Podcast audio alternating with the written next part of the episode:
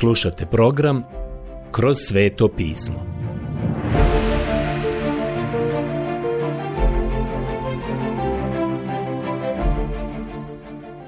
Knjiga Poslanica Efežanima Odlomak Poslanica Efežanima Poglavlje 3 od 1. do 13. stiha Prijatelji, ponovno smo u trećem poglavlju, a prošli put smo napravili mali uvod u ovo poglavlje.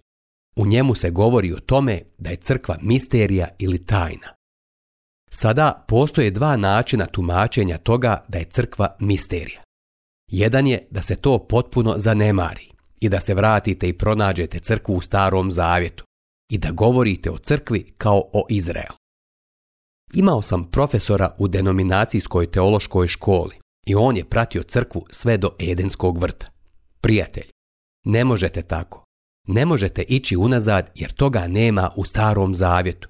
Pavle kaže da je to misterija, što znači da uopšte nije bilo otkriveno u starom zavjetu. Druga krajnost je da postanete hiperdispenzacionalisti, a to znači da imate još nekoliko dispenzacija nakon Pentekosta. Na dan Pentekosta nešto se dogodilo i ići naprijed nazad prilikom razmatranja Pentekosta poput talasa koji zapljuskuju plažu pa se povlače nazad, mislim da je potpuno pogrešno. Nešto se dogodilo na dan Pentekosta. Duh sveti je došao. Počeo je oblikovati tijelo vjernika. I to će nastaviti sve dok ne uzme crkvu sa ovoga svijeta. Zapečačeni smo duhom svetim Božijim do dana otkupljenja, to jest kada ćemo biti uzeti iz ovog svijeta i predstavljeni Kristu. Ovdje u ovom poglavlju prvo imate objašnjenje misterije od prvog do četvrtog stiha, zatim definiciju misterije od petog do trinaestog stiha, a onda imate molitvu za spoznaju i silu od 14. do 21. stiha. Postoji izvjesna mehanika u ovom odjeljku i to je razlog zašto sam vam predložio da pred sobom imate sveto pismo kako biste mogli to pratiti jer će vam tako sve biti razumljivije i smislenije. Pavle ovdje u prva dva stiha kaže sljedeće. Zato sam ja, Pavao, sužanj Krista Isusa za vas pogane. Poslanica Efežanima 3.1 Ovdje zapravo počinje zagrada i ta zagrada je otvorena sve do 14. stiha. Drugim riječima, postoje divne povlastice koje su sada dodijeljene paganima. Apostol Pavle ih je nabrojao u drugom poglavlju. Mi smo bili daleko, stranci bez nade i bez Boga. Sada je sve to ispravljeno. Kroz Krista smo uvedeni u Božju porodicu. Zbog svega toga, Pavle će se moliti za njih. On počinje riječima. Zato sam ja, Pavao, sužanj Krista Isusa za vas pogane. A zatim se spuštamo do 14. stiha gdje on kaže Zbog toga prigibam svoja koljena pred ocem. Poslanica Efežanima 3.14. Sve između toga je u zagradama i Pavle tu zapravo govori o misteriji crkve. Prije nego što je došao do molitve, on kaže sljedeće. Sigurno ste čuli, to jest on pretpostavlja da je tako. Za raspored ili ekonomiju Božje milosti koja je u meni dana za vas. Poslanica Efežanima 3.2 ova riječ sigurno, koja se nalazi ovdje, označava otvorenu zagradu, a 14. stih zatvorenu zagradu. A nakon toga on počinje svoju molitu. Sada, nakon otvorene zagrade, on kaže Čuli ste za raspored ili za ekonomiju. To je dispenzacija. Molim vas, zapazite šta on ovdje kaže. Ako ste čuli za dispenzaciju, to je sada ekonomija Božije milosti. Vi i ja živimo u dispenzaciji milosti. Neko će sada da kaže, McGee, ne sviđa mi se to, nisam dispenzacionalista. Sve što vam mogu reći je sljedeće. Trebali biste biti. Ako vjerujete Bibliji, vi ste neka vrsta dispenzacionaliste. Možda niste kao ja. Nadam se da niste ekstremni. Ali se nadam da vjerujete da danas živimo u raspodjeli Božje milosti jer je upravo to ono o čemu Pavle ovdje govori. Nisam ja to izmislio i rekao. Nisam ja izmislio i skovao tu riječ. Dr. Scofield je nije skovao u Scofieldovoj Bibliji. Ako želite znati, ona dolazi iz Pavlovih poslanica. On koristi tu riječ. Drugi koriste tu riječ. Sigurno ste čuli za ekonomiju Božje milosti koja je meni dana za vas meni se po objavi očitova otajstvo kao što gore ukratko opisah.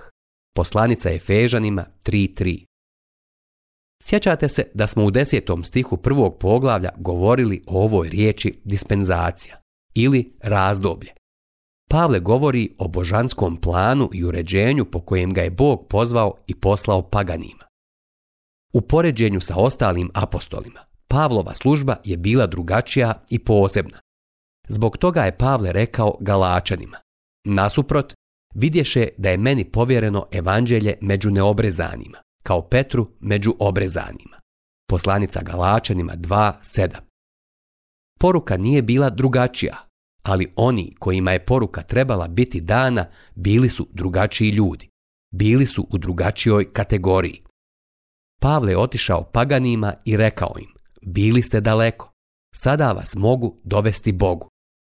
Petar je otišao svome narodu, Izraelcima, i rekao im je I nema ni u jednom drugom spasenja, jer nema drugoga imena pod nebom danoga ljudima u kojem se trebamo spasiti. Dijela apostolska 4.12 Ali to je isto evanđelje. Pavle je rekao tamničaru u Filipima, paganinu. Vjeruj u gospodina Isusa i spasit ćeš se, ti i tvoja kuća. Dijela apostolska 16.31 Petar i Pavle su bili poslani dvijema različitim skupinama ljudi. Oni su sada dovedeni u nešto što je potpuno novo. To je bila drugačija ekonomija nego što je bila u starom zavjetu ili drugačija dispenzacija. Pavle je ranije bio farizej i živio je po zakonu. Nikada nije izlazio i propovjedao paganima. To je bila drugačija ekonomija pod kojom je bio. Sada je Pavle pod novom ekonomijom i sve je potpuno drugačije. Ali Božji način spasenja uvijek je bio isti, jer čak i kada su bili pod zakonom, on ih nije spasio jer su držali zakon, već zbog prinošenja žrtve kada su vidjeli da im je uskraćena Božja slava.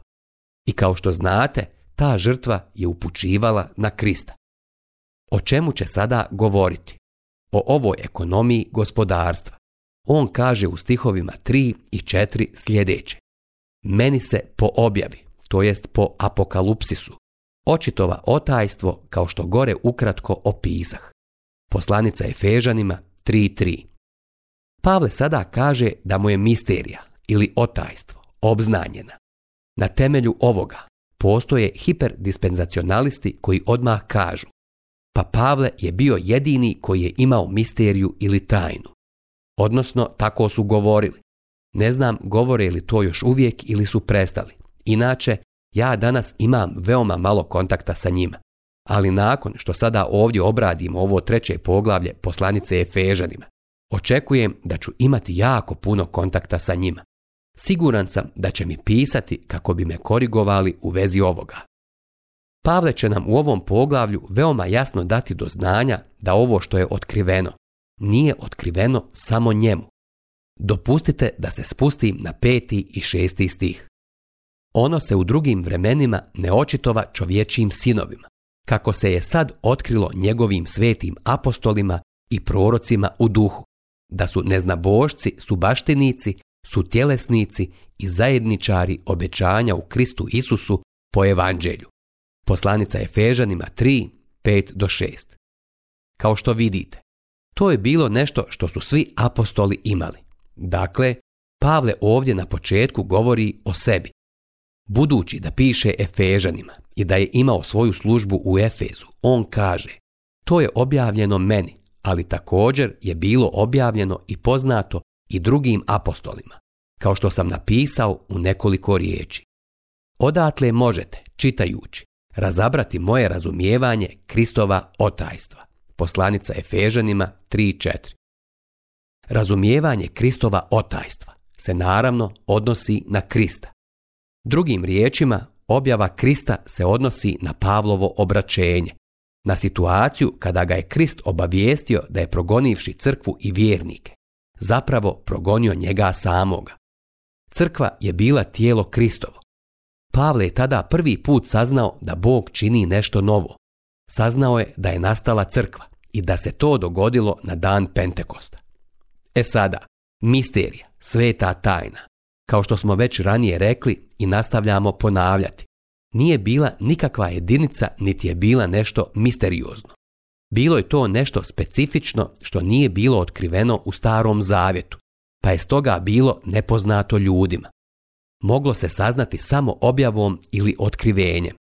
Ali sada je to otkriveno u Novom Zavjetu. Ova se riječ koristi 27 puta u Novom Zavjetu. Odnosi se na otprilike 11 različitih misterija. Čini se da apostol Pavle zapravo pravi kontrast sa misterioznim religijama grčko-rimskog svijeta. A bilo je mnogo takvih u ono vrijeme.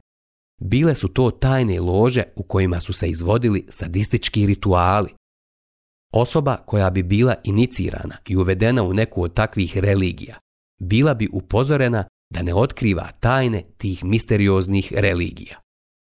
Ja sam napravio jednu studiju o tome. Zapravo, bio je to jedan esej o misterioznim religijama koji sam napisao dok sam bio na teološkom fakultetu. To je nešto o čemu se ni danas ne zna previše, ali ipak znamo dovoljno. Čini mi se da veoma malo kršćana zna za te religije i njihove rituale. Nasuprot tome, apostol Pavle kaže Teško meni ako ne propovijedam evanđelje. Pogledajte prvu poslanicu Korinčanima 9.16.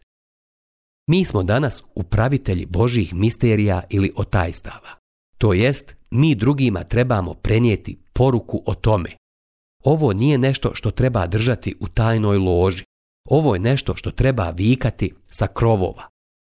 Pavle se ukratko osvrnuo na misteriju ili otajstvo u devetom stihu prvog poglavlja. Sjećate se. Očitovavši nam otajstvo svoje volje. Poslanica Efežanima 1.9. Pavle spominje to već na početku poslanice. I onda nastavite dalje i vidite da ponovo spominje misteriju ili otajstvo u drugom poglavlju, u 14. stihu. On je naš mir. Doista, oboje sastavi u jedno i razvali razvojni zid svojim tijelom. Poslanica Efežanima 2.14. Kao što možete vidjeti, to je nešto što prije nije bilo otkriveno i u tom smislu to je bila misterija. Dokinuvši zakon zapovijedi s odredbama da iz dvoga načini u sebi jednoga novog čovjeka, on pribavi mir. Poslanica Efežanima 2.15. Dakle, kao što vidite, ovo je nešto što prije nije bilo otkriveno. Misterija je da je Krist uskrsnuo.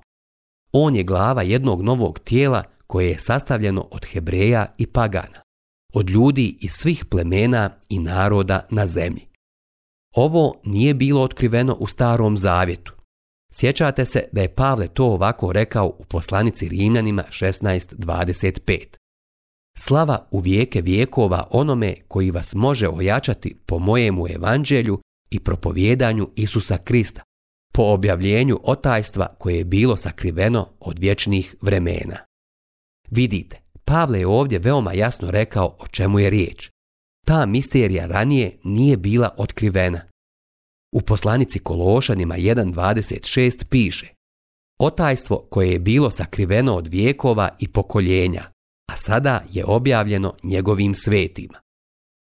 Svako ko se vrati u stari zavjet i kaže, ovdje u starom zavjetu vidimo crku, vi onda znate nešto što je drugima nepoznato, nešto što Bog nije rekao. I rekao bih da su oni koji to govore gotovo pametniji od gospoda. Manje više oni su uzurpirali njegovo mjesto, jer govore nešto što on nije rekao. Bog to nije obznanio, toga u starom zavjetu nema niti je bilo.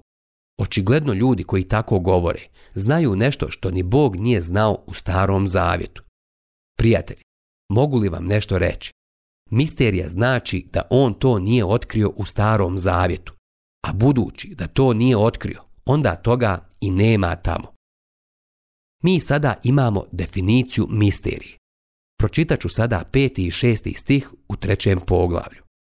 Ono se u drugim vremenima, generacijama, ne očitova čovječijim sinovima, kako se je sad otkrilo njegovim svetim apostolima i prorocima u duhu, da su neznabošci, su baštinici, su tjelesnici i zajedničari obećanja u Kristu Isusu po evanđelju. Poslanica Efežanima 3, 5 do 6. Pavle ovdje sada objašnjava šta misli kada spominje misteriju ili otajstvo postoji oštar kontrast između čovječijih sinova u prošlim generacijama i apostola i proroka crkve. Niko u starom zavjetu nije imao ni tračak svjetla u odnosu na crkvu. To je sada objavljeno svetim apostolima. Kažem da su sveti jer su bili izdvojeni za taj poziv i službu. A proroci koji se ovdje spominju su definitivno novozavjetni proroci. Duh sveti je učitelj ove misterije ili otajstva. Gospod Isus je rekao sljedeće u Evanđelju po Ivanu u 16. poglavlju u 15. stihu. Sve što god ima otac moje je. Zato rekoh, on će od mojega uzeti i navještat će vam. Šta je misterija? Prijatelji, ja ovdje želim istaknuti jednu razliku i nemojte to propustiti. Misterija nije bila u tome da će pagani biti spašeni. Stari zavjet je to učio. Dopustite mi da vam dam stih ili dva. Knjiga proroka Izaije, 11. poglavlje, 10. stih. U onaj dan izdanak iz Jišajeva korijena stoji kao zastava naroda. Neznabošci ga potražuju i njegovo počivalište bit će slavno. Ponovo knjiga proroka Izaije 60. poglavlje, 3. stih. Narodi putuju k tvome svjetlu i kraljevi k sjaju koji sja nad tobom. U knjizi proroka Zaharije u drugom poglavlju u 15. stihu piše sljedeće. I mnogi će narodi u onaj dan pristati uz gospodina i pripadat će mojemu narodu. U knjizi proroka Malahije u prvom poglavlju u 11. stihu piše sljedeće. Jer od istoka sunčeva do zapada veliko će biti moje ime među narodima. Šta je onda misterija ako nije da se pagani trebaju spasiti? Hoćete li me pažljivo saslušati? Misterija je bila u tome što su pagani i Izraelci bili postavljeni u istu ravan kroz vjeru u Krista. Oni su dovedeni u novo tijelo, a to tijelo je crkva. Ne propustite to. Krist je glava ovog novog tijela. Dakle, ovo je uzrokovalo trostruku podjelu u ljudskom rodu. Sada imate sljedeću podjelu ljudske porodice. Od Adama do Abrahama, ima više od 2000 godina i u tom razdoblju su svi bili pagani. Od Abrahama do Krista bilo je Hebreja i pagana. To razdoblje je trajalo 2000 godina. Sada dolazimo do razdoblja koje počinje od Krista, od dana Pentekosta do uznesenja. To razdoblje do sada traje već 2000 godina i više. Hebreji, pagani i crkva Božja to je tačno ono što je Pavle rekao. Mi smo to već spomenuli. Prva poslanica Korinčanima, deseto poglavlje, 32. stih. Pavle kaže sljedeće. Ne budite na sablazan ni židovima, ni grcima, ni crkvi Božjoj. Kada je to rekao, Pavle je obuhvatio cjelokupnu ljudsku porodicu. Nema četvrte grupe. To nisu samo dvije grupe. To su Izrael, pagani i crkva Božja. Dakle, de facto crkva nije postojala u Starom zavjetu. Ja mislim da postoje prototipovi crkve u Starom zavjetu, ali to nije otkrivenje. Krist je rekao, na toj stijeni sagradit ću svoju crkvu. Evanđelje po Mateju 16.18. U trenutku kada je to izgovorio, to je bila budućnost. Vi ste u Novom Zavjetu kada je on to rekao. Crkva je nastala na dan Pentekosta a nakon Pentekosta tijelo Kristovo je bilo sačinjeno od sijamskih blizanaca, od hebrejske i paganske crkve koje su zajedno koegzistirale. Ali crkva nisu sijamski blizanci, nastala je na dan Pentekosta i isprva je bila sačinjena samo od Hebreja. Zatim postoji prelazno razdoblje kada su u crku dovedeni i pagani. Crkva je jedno tijelo sastavljeno i od Hebreja i od pagana a to znači da pagani uključuju sve narode svijeta. Apostol Pavle je to ovako izrazio. Ja postadoh sluga evanđelja po daru Božije milosti koja mi je dana po njegovu snažnom djelovanju. Poslanica Efežanima 3.7 Pavle nije podrazumijevao da je u nekoj prednosti u poznavanju te misterije na temelju činjenice da je on bio apostol pagana. On je za sebe uzeo samo titulu diakonos, što znači radnik, pomoćnik ili džakon. Bio je to dar Božje milosti koji ga je preobrazio od Savla, ponosnog farizeja koji je progonio crkvu, do apostola Pavla koji je sada bio onaj koji pripada Isusu Kristu, koji ga je izveo iz jedne skupine i postavio u drugu. Pavle je sada član tijela Kristovog. Sve što je postignuto bilo je ostvareno djelovanjem sile Duha Svetoga. Pavle je imao oboje, i dar i silu. Pročitat ćemo sada stihove 8 i 9. Meni, najmanjemu od sviju svetih. Ovo ovdje je stvarno važno. Pavle kaže, ja sam najmanji od svih drugih. Dana je ova milost, navješćivati među poganima neistraživo Kristovo bogatstvo i otkrivati svima dispenzacija ili ekonomija. Kako se ostvaruje otajstvo.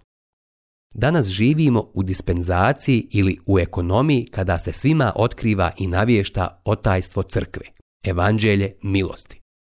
Od vijekova sakriveno u Bogu koji je sve stvorio. Poslanica Efežanima 3, 8 do 9. Da li želite nešto saznati?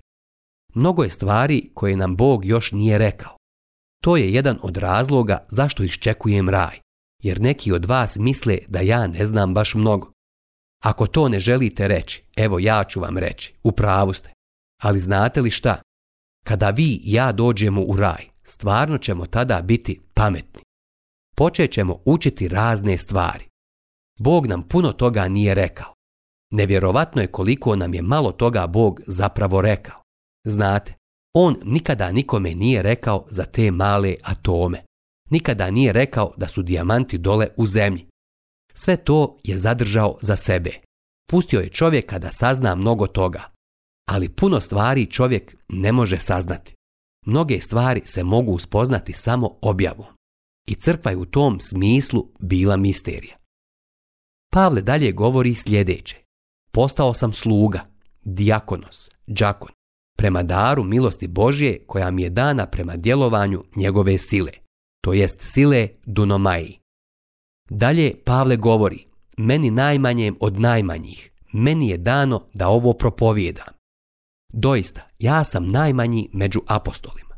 Prva poslanica Korinčanima 15.9 i onda nastavlja. I nisam dostojan zvati se apostol jer sam progonio Božju crkvu. Sjetio se i pomislio na ono što je bio, a zatim na ono šta je Božja milost učinila za njega. On kaže, Zahvaljujem onome koji mi dade jakost, Kristu Isusu, našemu gospodinu, što me je držao za vjerna i postavio me za služenje. A prije sam bio hulitelj, progonitelj i nasilnik, ali sam pomilovan jer sam neznajući to činio u nevjeri. Prva poslanica Timoteju 112 do 13. Kakva se moćna revolucija dogodila u Pavlovom životu? I sve to da bi se moglo navješćivati među poganima neistraživo Kristovo bogatstvo. Poslanica Efežanima 3.8. Kako je to divno. I da svi ljudi mogu da vide ekonomiju, dispenzaciju misterije. Ono što je bilo sakriveno u prošlosti sada je otkriveno. Sada Pavle kaže sljedeće. Sada se po crkvi objavljuje poglavarstvima i vlastima na nebu mnogolika Božja mudrost, po vjekovnom naumu koji izvrši u Kristu Isusu, gospodinu našemu. U njemu i po vjeri u njega imamo slobodan pristup u nadi. Poslanica Efežanima 3, 10 do 12. Ovdje se sada otkriva još jedna svrha misterije. Inteligentna bića koja je Bog stvorio, uče nešto o Božjoj mudrosti kroz crkvu. Oni ne samo da vide Božju ljubav prikazanu i bogato izlivenu na nas, već se anđelima otkriva Božja mudrost. Kako je to divno! Zbog toga Pavle kaže u 13. stihu sljedeće. Zato vas molim da ne malakšete zbog mojih nevolja za vas, koje su vaša slava. Poslanica Efežanima 3.13. Zbog velikih ciljeva koje ima otkrivenje misterije, a koje je Pavle nabrojao, on je bio spreman trpjeti zatvor kao apostol pagana. On nije želio da Efežani izgube duh i da budu obeshrabreni. On je smatrao da je njegovo zatvaranje doprinosilo Božoj slavi i njihovom dobru. Pavle kaže, sada se u patnjama radujem za vas i dopunjujem na svome tijelu ono što nedostaje Kristovoj muci za njegovo tijelo koje je crkva.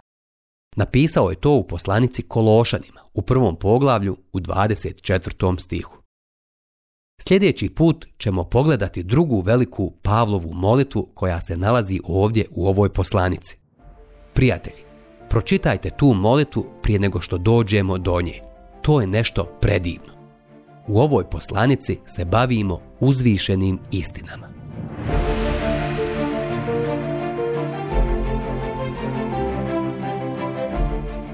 Slušali ste emisiju Kroz sveto pismo. Možete nas slušati i na našem YouTube kanalu putem mobilne aplikacije, te na svim glavnim podcast platformama kao što su Google, Apple i Spotify. Ako vam se naši programi dopadaju, preporučite ih i podijelite s drugima.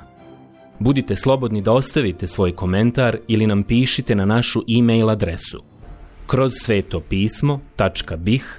at gmail.com Zapratite našu stranicu kroz sveto pismo BiH na Facebooku i na Instagramu.